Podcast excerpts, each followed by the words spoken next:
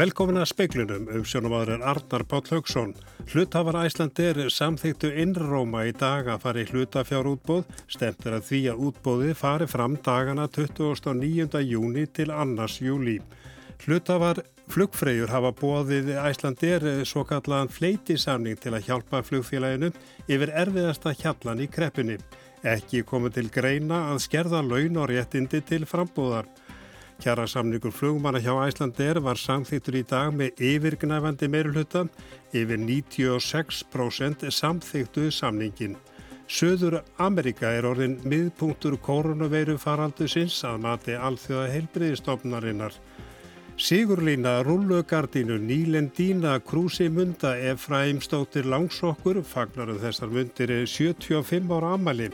Bókmentafræðingur segir að Línu Langsokk eh, skrifa námskrár skóla í dag. Hlutafar Æslandir samþektu innróma á hlutafundi í dag að fari í hlutafjár útbóðu. Markmiðið er að auka hlutafjörn um 30 miljardar íslenskara krónan. Stemtur að því að hlutafjár útbóðu fari fram um mánaðmótin júni-júli. Útbóði verður öllum opið. Bói Níls Bógarsson, fórstjóra Æslandir, segir að samþýttin í dag sem mikilvægt skrefi á vekkferð félagsins. Hann segist frekar hafa búist við þessari niðurstöðum. Bleikið sem við erum að vinna eftir eh, eh, er verið mjög skinsanlegt og því eðlilegt að hluta var stiðið það. Eh, það er gert ráð fyrir að samkómlega við stjórnvöld ekki fyrir 15. júni, útbóðið sjálft er ekki fyrir ennum mánamótin júni-júli. Þannig að þá verða, verða þá einhverju fyrirvarar í þessu samkomlega við stjórnvöld varðandi útbóðið? Já, endalega vegna þess að viljirði ríkistjórnunar snýst um það að okkur takist að safna hlutafér og þannig að ef að þetta er myndin sem við erum að horfa á þá þarf, þurfa að vera einhverju fyrirvarar, já. E, hefur heyrt eitthvað frá stjórnvöldum hvað þau eru tilbúin að gera mikið þannig að getur þú lagt eitthvað mat á hvað, hvað það mun vega þúnt? Það likur ekki fyrir, við erum alltaf að endur skoða líkunin okkar og hver fjármaksþörfun er og og það allt saman þannig að þetta erum við að vinna í samstarfi við e, já, við erum að vinna þetta innan félagsins og í samstarfi við stjórnvöld líka þannig að fjárhæðin likur ekki fyrir á, á þessu stíð. Bæði flugmenn og flugverkjar félagsins hafa samþygt kjærasamninga en ekki flugfrýjur. En hvernig metur bóji Nils þá stöðu? Já, hún mætti vera á betri stað, svo staða. Við fórum inn í þá samninga með sömu markmið og hérna samningana tvo og þar tókst það unni samræma sjónamið begja aðila með mjög farsalum hætti.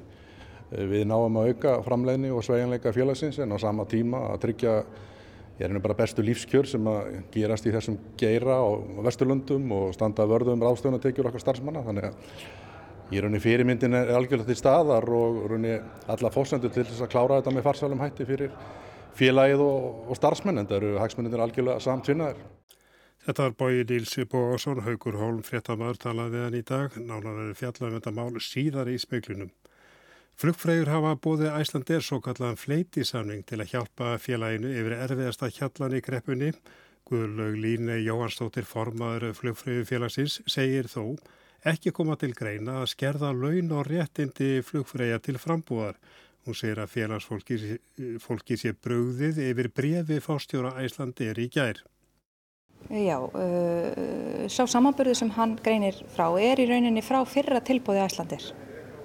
Þannig að það er erfitt fyrir þá sem ekki vita um hvað máli snýst uh, og það lítur út fyrir eins og séu hækkanir, það er í rauninni uh, lækkanir umfram allt þó svo að dreigið hafa voru einhverjum atriðum frá síðasta tilbúði. Sælabankastjóri sagði núna í fyrra dag að, að þá og sagði hann að uh, verkalýsfjölu hefur kannski ekki alveg axlað ábyrð á ástandinu núna og svona gaf kannski skinn að að það hefur verið eðlilegt að semja um lægra, lægra kaupi í einhvern ákveðin tíma bara meðan þetta verið að ganga yfir.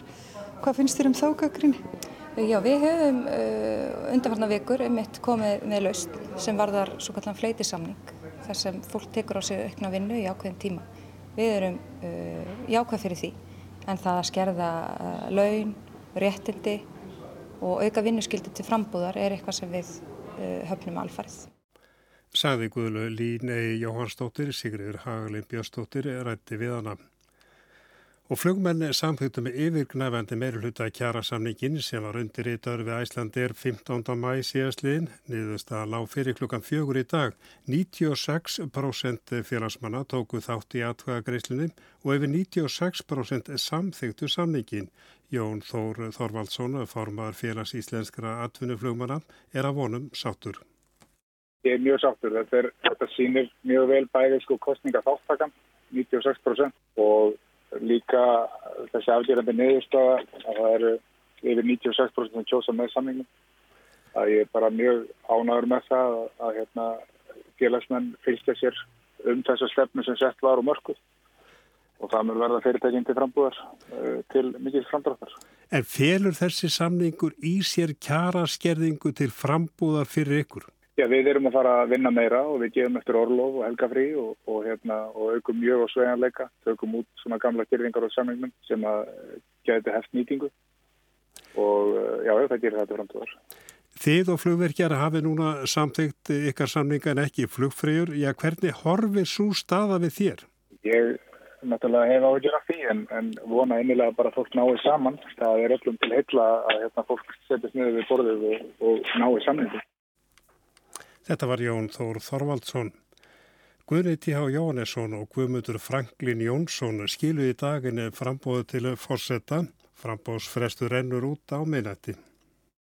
Fórsetakostningarnar fara fram laugardaginn 27. júni en kostning utan kjörfundar Erlendis hefst 25. mæ. Guðni T.H. Jóhannesson, fórseti Íslands, mætti í Dómsmálaráðunitið klukkan halv tvö í dag til þess að skila en frambóðu sínu. Hvernig leggst komandi kostninga bara það í þig? Hún leggst vel í mig. Af minni hálfu verður hún hófstilt. Ég vænti þess að hún verði heiðarleg og Ég vænti þess líka að Íslendingar nýti hennan rétt að ganga til kostninga. Guðmundur Franklin Jónsson skilaði en sínu frambóði á fjórðatímanum. Já, þú er búinn að skila? Já, ég er búinn að skila. Og hvernig verður kostningabarnir háttað? Henni verður háttað á þann hátt að hérna í byrjun þá ætlum ég nú að fara í kringu landið og heimsækja hvert einasta stað á landinu og tala um fólk og, og hérna njóta veðursins og blíðunar og, og Íslands og fólksins. Og áttu vona á góðum heimtum? Já, ég hef alltaf vona á góðum heimtum en, en maður verður að hafa fyrir því, það er ekkert uh, öðruvísi. Frambóð til embættis fórseta Íslands telst ekki gilt fyrir en frambjöðundur hafa skilaðinn tilskildum fjölda meðmælenda, 1500 til 3000 á landsvísu, en ákveði hlutfall undirskrifta þarf að berast úr hverjum landsfjörðungi. Þóruldur Þorkilstóttir tók saman.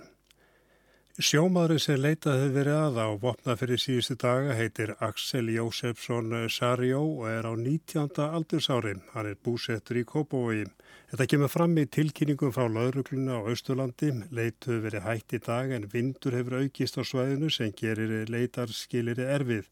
Skilir verða metinn í fyrramálu og leiti skipulögð út frá aðstæðum.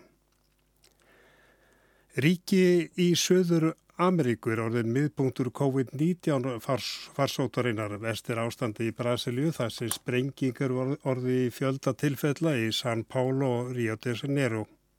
Mike Ryan, forstöðumadur neyðar áallunar alþjóða helbriðistofnarinnar, greindi frá þessu á stöðufundi í Genf í dag. 8300.000 smitt hafa verið greind í Brasilíu og tæplega 19.000 hafa látist af völdum COVID-19. Ræjan vakti á því aðtegli að stjórnvöld í Brasilíu mæla með því að fólk taki inn liv gegn malarju til að forðast að veikjast af völdum veirunar. Dreigið hefur verið í Eva að það gerir gagn og raunar byrtist í dag viða mikil úttekt af livjónum í lækna tímaritunir landsett. Þar segir að livin hjálpi ekkert og raunar eigi fólk á hættu að fá hjartaslag og deyja taki það þau inn. Flest COVID-19 tilfellin hafa komið upp í São Paulo, stærstu borg Brasilíu og nágræni hennar. Einnig er ástandi satt slemt í Rio de Janeiro og hér á þannum Seara, Amazonas og Pernambuco. Mike Ryan segir að í Amazonas hafi hlutfallslega flestir smittast eða um 490 á hverja 100.000 íbúa. Áskir Tómasson saði frá. Þórtís Kolbrún Reykjörð Gilvardóttir ferðamannar á þeirra kynnti á Ríkisjótafundi í dag útfæslu ferðagjafa brefs sem á að hvetja Íslendinga til að ferðast innanlands í sumar. Gjafabrefið er upp á 5.000 krónur og var kynnt í fyrsta aðgerapakka ríkistjórnarinnar vegna koronaveiru faraldusins. Unnir að gerða apps sem á að einfalda notkunnu gjafabrefsins þó einni verið hægt að nálgast það með öðrum hætti. Það verður með öllu skattfrjálst og hægt verður að selja það áfram til annara. Hver og einn má þó, ekki, má þó að hámarki greiða með 15 gjafabrjöfum sem samsvara 75.000 krónum. Vonist þetta til að ferðagjöfin verði aðgengileg í byrjun júni á byrju júni en útvæslan verður kynnt nánar eftir helgi. Og við sögum frá því hér áðan að hlutafur Æslandir samþyktu innróma á hlutafundi í dag að fari hlutafjárútbóð og markmið er að ég að sapna alltaf 30 miljardum króna. En Haugur Hólm Frettamadur talaði við Boga Níls Bogason, fórstjóra Æslandir eftir fundin og spurði hvort að þetta, þessi niðurstað hefði komið honum á óvart. Já, ég átti nú freka vona á því því að upplegið sem við erum að vinna eftir er í rauninni mjög skinsanlegt og því eðlilegt að hluta var stiðið það. Það er gert ráð fyrir að samkómulega stjórnvöld ekki fyrir 15. júni, útbóðið sjálft er ekki fyrir ennum mánamótin júni-júli, þannig að þá verða, verða þá einhverju fyrirvarar í þessu samkómulega við stjórnvöld varðandi útbóðið. Já, endalega vegna þess að vilirði ríkistjórnarinnar snýst um það að okkur takist að safna hlutafér og þannig að ef að þetta er myndin sem við erum að horfa á þá þurfa að vera einhverju fyrirvarar, já. Hefur heyrt eitthvað frá stjórnvöldum hvað þau eru tilbúin að gera mikið þannig að getur við lagt eitthvað mat á hvað, hvað það mun vega þungt? Það likur ekki fyrir, við erum alltaf að endur skoða líkunin okkar og hver fjármagsþörfun er og, og það allt saman þannig að þetta erum við að vinna í samstarfi við. Já, við erum að vinna þetta innan félagsins og í samstarfi við stjórnvöld líka þannig að fjárhæðin likur ekki fyrir á, á þessu stíði. Þú byrstir þarna einhvers konar spá eða, eða, eða, eða tiluga spá eða hvað þú kallaði það með að árið 2024 væri farþegarfjöldin komin upp í sem var 2019. Mm. Hversu raunhæft er þetta? Þetta er ekki, ekki spá. Við erum að stilla þessu upp sem ákveðin svona grunnmynd og erum að undibúða okkur undir það að þetta óvissu tímabil og, og lítil eftirspurð verði til staðar í all langan tíma alveg fram á næsta ár og það er alls ekki spá okkar en við erum að stilla því upp að að félagi sé undibúið undir svona sviðsmynd og þá munir þetta gerast frekar hægt. Næsta ár verður til dæla rólegt hvað varðar farþegafjölda og framlöslun okkar en við erum til í að gera þetta miklu hraðar. Allir innviður eru tilbúinir til að þetta gerist miklu hraðar en upplegið er í rauninni þó að þetta verði svona og ekki betra en þetta þá verði félagi samt áleitlegu fjárfestingakostur og ef þetta gerist hraðar þá er það í rauninni bara bónus fyrir fjárfesta. Útbóðið sjálft, það er opið öllum? Það verður opið öllum, það, það er upplegið, já. E, þú, Max, dæmið kemur þarna inn í, e, er ennþá planið að halda sig við þessar vélar og, og hvernig ganga viðraði við bóing? Það er í gangi og ganga ágætlega og eins og ég sagði í kynningunni áðan að áður en við förum í sölu hlutafjár þá verður svo mynd skýr hvað var þar pöntun á þessum tíu vélum sem við hefum ekki tekið við ennþá. Var það kannski láni og óláni að þið voru ekki búin að taka við fleiri vélum upp á fjárhastöðuna núna? Ekkert endilega, við höfum reykið þessa stefnu að vera með sambland af nýri og eldri vélum og að mínum að þetta er það mjög farsæl stefna því að það kemur ofta eitthvað upp í flugrekstri sem hefur áhrif á eftirspöld og enginn hafi átt vona á þessu höggi sem kom núna og þá er mjög gott að vera með eldri vélar líka þess að við erum ekki með háan fjármagnskostnað og við getum þá flógiðið minna og jáfnveil lagt þeim á þess að fjármagnskostnaður og, og legugreifslu keiri félagi kaf. Það, þú tilkynntir hlutum þá á fundunum að, að flugmenn hefur samþýgt sinn kjara samning og þar með eru tvö af þremur þessum stjættafélaga búin að samþykja. En flugfröður eru ennþá óafgreitt mál. Hvernig metur þú þá stöðu? Já, hún mætti vera á betri stað, svo staða. Við fórum inn í þá samninga með sömu markmið og hinna samningana tvo og þar tókst það, er unni samræma sjónamið begja aðila með mjög farsalum hætti. Við náum að auka framleiðni og sveigjanleika félagsins en á sama tíma að tryggja er henni bara bestu lífskjör sem að gerast í þessum geira á Vesturlundum og standa vörðum ráðstöðunatekjur okkar starfsmanna þannig að er henni fyrirmyndin er algjörlega til staðar og henni alla fósendur til þess að klára þetta með farsalum hætti fyrir félagið og, og starfsmenn en það eru hagsmenninir algjörlega samt finnaðir. Þú skrifaði flugfræðum aftur bref og, og fengi, fengi bátt fyrir, frá þeim fyrir það. E, óttast ekki þetta hleypi íllu blóði í viðræðunar? Nei, við höfum reykið þá stefnu hérna hjá félaginu að vera með góða og skýra upplýsingagjöf til okkar samstarfsfólks og við sáum það að það var ímislegt svona í umræðinu sem var misvís, misvísandi og jafnvel ránkvæslur og okkur þóttu og mér þóttu að leiðrætta það með þessum posti til okkar minna samstarfsfélag. Nú liggur það fyrir að það er annað félag í landinu, Íslenska flugstjættafélagið sem er, sem er opið flugfröðum líka og hef, sem hefur gert, þeir segast hafa gert samningar fyrir flugmenn og flugfröður við play til mhm. dæmis. Mm -hmm. Horfið þið eitthvað til þess félags, það er að segja flugstættafélagsins? Nei, við höfum verið í viðræði við flugfræðifélag Íslands og, og ætlum að halda þeim áfram og vonast þess að, eða vonandi að halda, þær áfram þær viðræðar og vonast þess að klára samning við það stjættafélag að því vegna þess að í rauninni það eru mörg tækifæri til þess að innfalda samningin og auka framleiðinni en á sama tíma að bjóða upp á starfskjör fyrir flugfræðir og flugþjóna sem að mun ekki þekkjast á Íslandi hjá öðru flugfélag á Íslandi til framtíðar þetta forgáns, eh, forgáns ákvæði í kjærasamlingunum við flugfræður. Er það eitthvað sem viljið reyna semjum að losna við? Það hefur ekki verið hlutið af þessum samningavirðað núna, nei. Þetta var bóji Níls Bógarsson, Haugur Holm talaði við hann.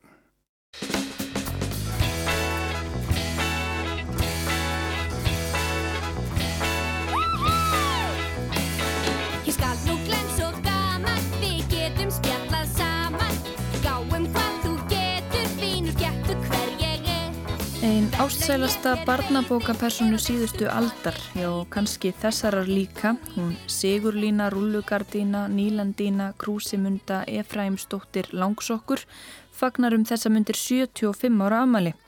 Fyrsta bók sænska riðtöfundarins Astridar Lindgren um þessa sterku og óútreiknarlegu stelpu á sjónarhóli kom út árið 1945. Brynhildur Þórensdóttir, ríthöfundur og bókmyndafræðingur segir að samfélagsleg áhrif línu séu meiri en við getum ímyndað okkur. Segja megi að hún skrifi námskrár skóla í dag. Ég held að lína hafi haft alveg gríðaleg áhrif og ekki bara á börn heldur líka á sko foreldra og uppalendur og skólakerfið og samfélagið, bókaútgefendur. Ég held að sko línu áhrifin séu miklu miklu viðtakari heldur maður ímynda sér því að svona í fljótubræði þá eru línu áhrifin fyrst og fremst þau að hún reyðs gegn svona ríkjandi staðalmyndum. Hún er sterk stelpa, hún er e, djörf og haurökk og, og býr einn, hún brítur staðalmyndir kynjana um að geta bjarga sér og fá að vera svona úti í ævintýrónum sem var nú ekkert e, sko algengt á þessum tíma á, á fymta áratögnum í Í bókum fyrir unga lesendur þá áttu strákar svona út í svæðið og, og stelpunar voru inni verurnar að æfa sig að vera fullan á konur. En svo brítur hún líka sko staðalmyndina um barn og það er ekki síður mikilvægt því að sko hún er hérna uppáttækja söm, hún brítur reglur hinn að fullortnu en það er aldrei illa meint. Hún veit alltaf sínu viti, hún veitir henni betur en fullortu fólkið og það sem hún er að sko stríða gegn er íhaldsemi og, og þröngir rammar á, á allan hátt. Þannig hún storkar ríkjandi samfélagsgerð, getur við sagt, og hún er þetta sko sjálfstæða batn með sko, munnin fyrir neða nefið, hún á síðasta orðið, hún leifir sér að standa upp í hárin á fullandafólkinu og hún leifir sér semst að að bóða samfélag sem er frjálslindara og viðsýtna en það sem að, að sko, umleikur höfundin og, og, og hérna, lesendur þegar bókin kemur út og, og það á erindi sko alltaf. Einu sinni var Karin dóttir Astridar Lindgren Lasin og bað mömmu sína að segja sér sögu um línu langsokk. Mammenar byrjaði að spinna og setna þegar Lindgren var sjálfveik skrifaði hún sögurnar um línu niður. En hvað gekk henni til? Var lína bara persóna sem var til fyrir tilviljun eða var Lindgren að reyna að augra og breyta viðdæknum hugmyndum? Við verðum að skoða í hvaða umhverfi, inn í hvaða umhverfi hún er skrifið. Hún er skrifið á stríðsárum í setna heimstyrjöldinni. Hún kemur út 1945 eh, eftir að við hefum verið hafnað eh, einu sinni, við erum að, kannski að gaman að taka það fram. En hún kemur út á erfiðum tímum og það eru þarna þættir sem að algjörlega tólka sem ádeilu á uh, ríkjandi ástand og ádeilu á þetta uh, kallaveldi sem að er að leiða heiminin í stríð.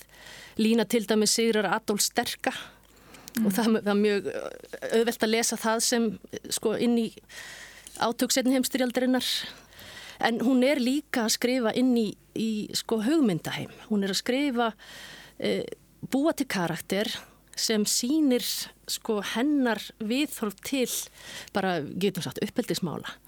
Og bæði inn á heimilinum og svo sko hvernig samfélagi kemur fram við börn.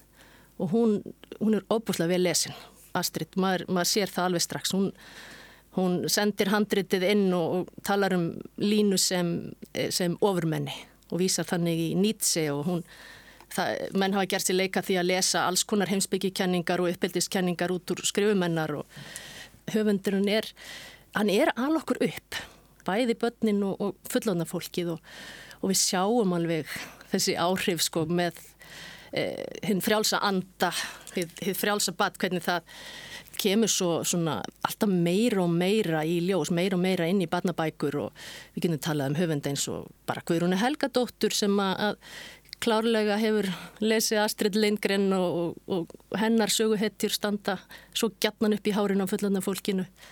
Við getum talað um bara hérna á 2001. öldinni Fíusól og svo nefndinu aðeins skólakerfi. Mér finnst nefnilega uh, svolítið gaman að því að, að það eru 75 ára gömul söguhetja sem er eiginlega að að skrifa fyrir okkur námsgráðnar í dag með því að færa svona áherslu skólakerfinsins frá því að vera innrammaður e, utanbóka lærdomur yfir í það að við veltum fyrir okkur sko af hverju gerum við hlutina og hvað viljum við fá út úr þeim og hvað eru við færum að gera. Andi Línu og Lindgren svífi yfir vötnum í uppeldis stefnum dagsins í dag. Þegar við erum að veita börnum svona meira frelsi til þess að segja sína skoðanir, taka meira mark á þeim og við erum að kenna þeim að eh, spyrja spurninga frekar heldur en að eh, þylja upp svörin og við erum að færa sko áhæsluna frá því að vera að kennarin sé að mata og, og nefnandin bara að þykja yfir því að nefnandin sé virkur og það er það sem að Lína í rauninni gerir í bókunum. Línu fannst til dæmis asnalegt að læra fargmöldunar töfluna.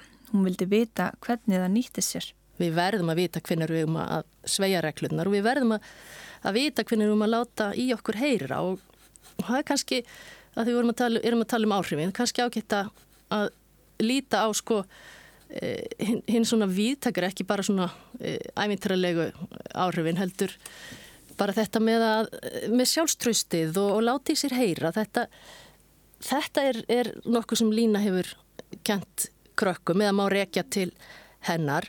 Og við getum alveg hérna hugleitt sko bara hvað er að gerast í, í alþjóðsamfélaginu út, út frá línu og tökum bara umhverfismálinn sem dæmi.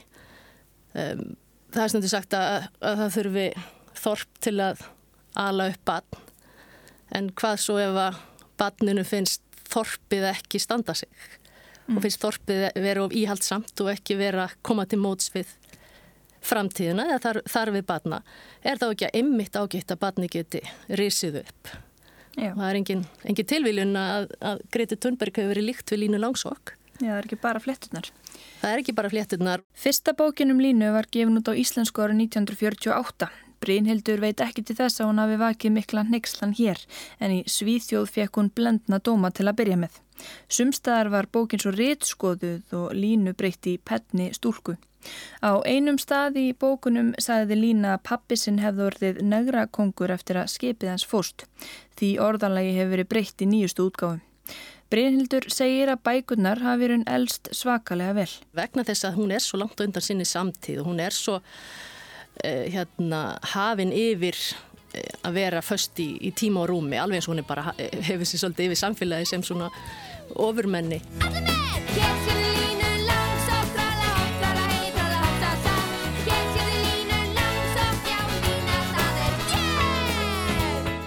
Og það var Arnildur Haldunadóttir sem að talaði við Brynhildi Þóraristóttur.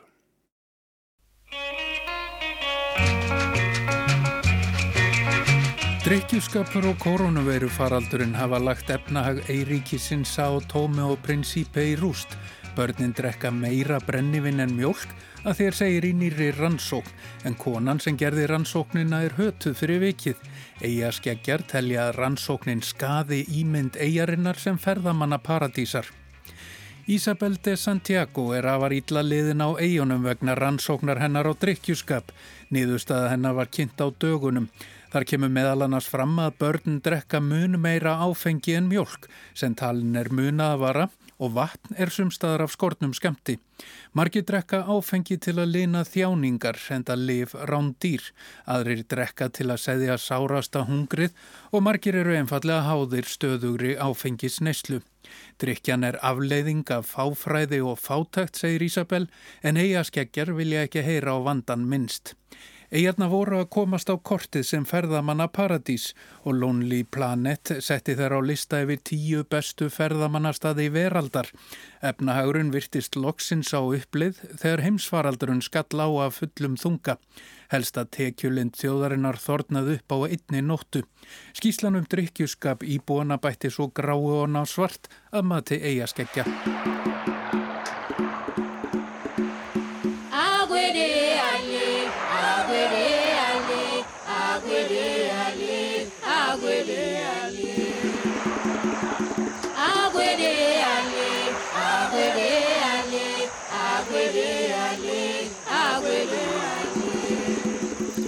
Sá Tómi og Prinsípi eru tveggja eiga ríki í Gíneu flóa undan strönd vestur Afríku. Eigarnar eru 140 km frá hvor annari og um 250 km frá strönd Gabon. Báðar eru hluti af röð eldfjalla og siðri eigin sá Tómi er nær nákvæmlega á miðbögg.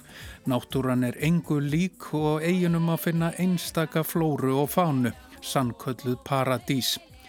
Könnunin var kynnt í síðasta mánuði en fyrstu niðurstöður komið fram í janúar eða áður en faraldurinn skalla og ferða þjónustan hrundi.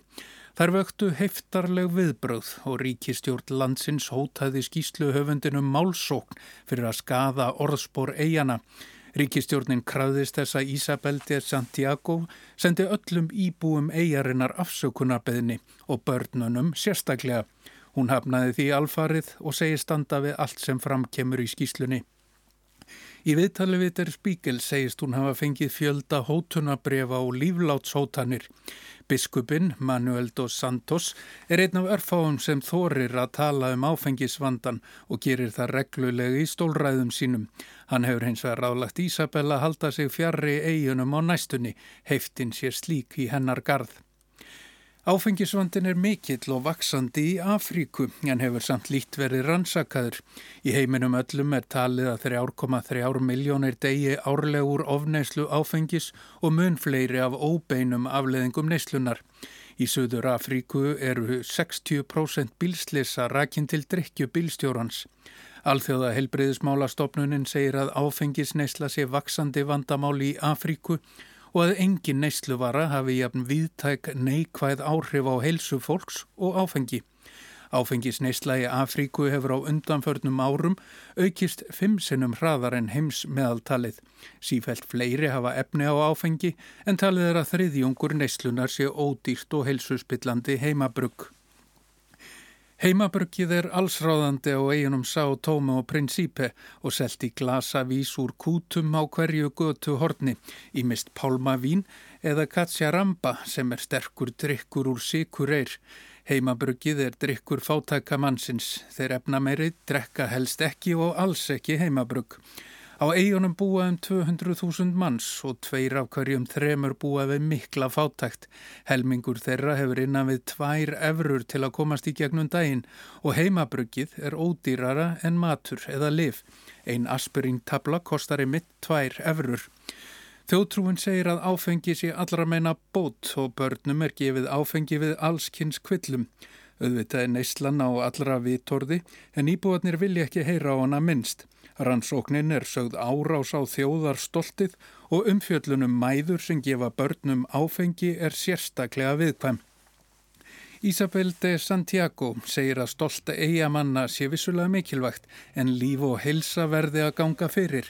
Fólk degi í stórum stíl vegna áfengisneyslu og börn og ungmenni verði fyrir varanlegum skada vegna neyslunar.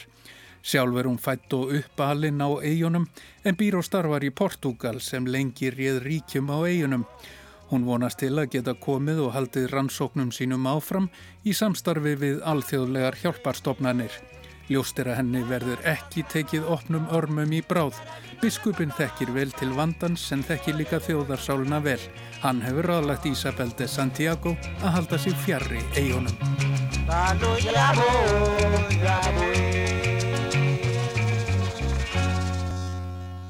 Og það var Pálmi Jórónsson sem að tók þennan pistil saman og við náum í lókin að taka veðrið, vaksandi norðan og norðaustan átti viða 8 til 13 metrar á sekundi í kvöld en 15 til 23 suðaustan til. Þignar upp með rigningu eða slittu á köplum en bjartviðri um vestavertlandið.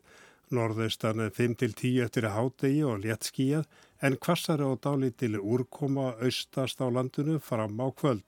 Hiti 11 til 17 stig yfir daginn en 3 til 8 stig á norðaustur og austurlandi. Tæknumari kvöld var Magnús Þorstein Magnússon, verið sæl og góða helgi.